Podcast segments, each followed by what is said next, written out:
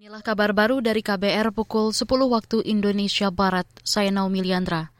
Program Kartu Prakerja akan dilanjutkan pada tahun ini dengan skema normal dengan target hingga 1 juta penerima.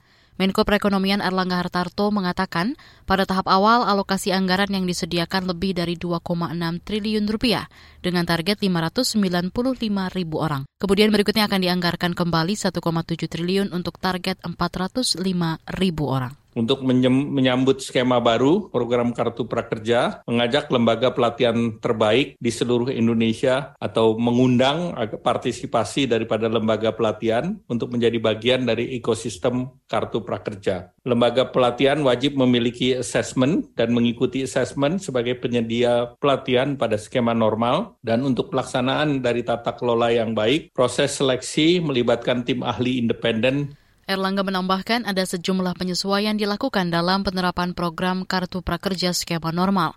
Antara lain dilakukan secara daring, luring maupun bauran. Luring akan dilakukan di 10 provinsi semisal di Kalimantan Timur. Besaran bantuan yang diterima peserta juga berubah, yakni 4,2 juta per orang. Rinciannya 3,5 juta untuk biaya pelatihan dan 600 ribu untuk insentif pasca pelatihan serta insentif survei 100 ribu. Indeks harga saham gabungan IHSG pagi ini dibuka melemah 34,72 poin ke posisi 6.619.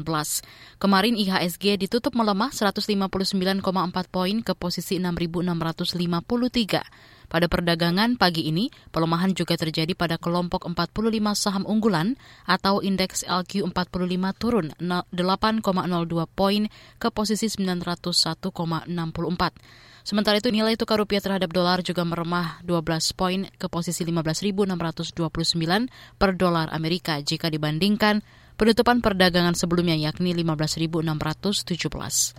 Saudara, demikian kabar baru KBR. Saya Naomi Liandra.